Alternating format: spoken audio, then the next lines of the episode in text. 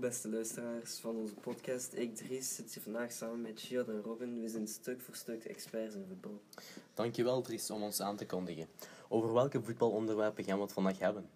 Wat vonden jullie van de match Racing Genk tegen Antwerpen? Willen jullie een goede grap horen? Laat maar horen, zou ik zeggen. Twee helderzienden komen elkaar tegen, zegt de een tegen de andere. Hé, hey, alles is goed met je, hoe is het met mij?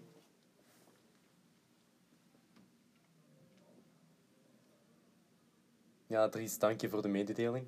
Terug naar het hoofdonderwerp. Inderdaad, bedankt. Wat vond je van de match, Jad? Zeer gelijk opgaand vond ik. Het was het team dat op de eerste plaats staat tegen het team op de vierde plaats. Ik vond het ook zeer interessant. Ik vond het wel een ruige match met volgens mij zeven kaarten in totaal. Dat viel mij op, ook op jou.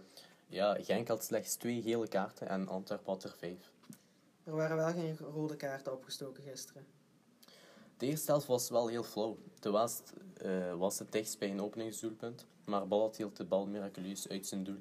In de 15 minuut pro- probeerde Heinen te scoren, maar hij miste. In de 41 e minuut kreeg Genk weer een mooie kans van Aido. Zette niet genoeg kracht in, waardoor we niet scoorden. Inderdaad, zo gingen we met 0-0 de rust in. Ik vond dat Pozuelo nog vrij goed speelde, ondanks de hele reis eh, rond hem. Opvallend was dat Sinan Bolat uitpakte met een ongelooflijke instinctieve redding op een kopbal van de Waast.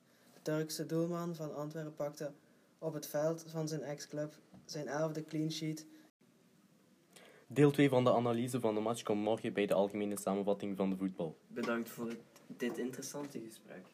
Tot de volgende. Doei!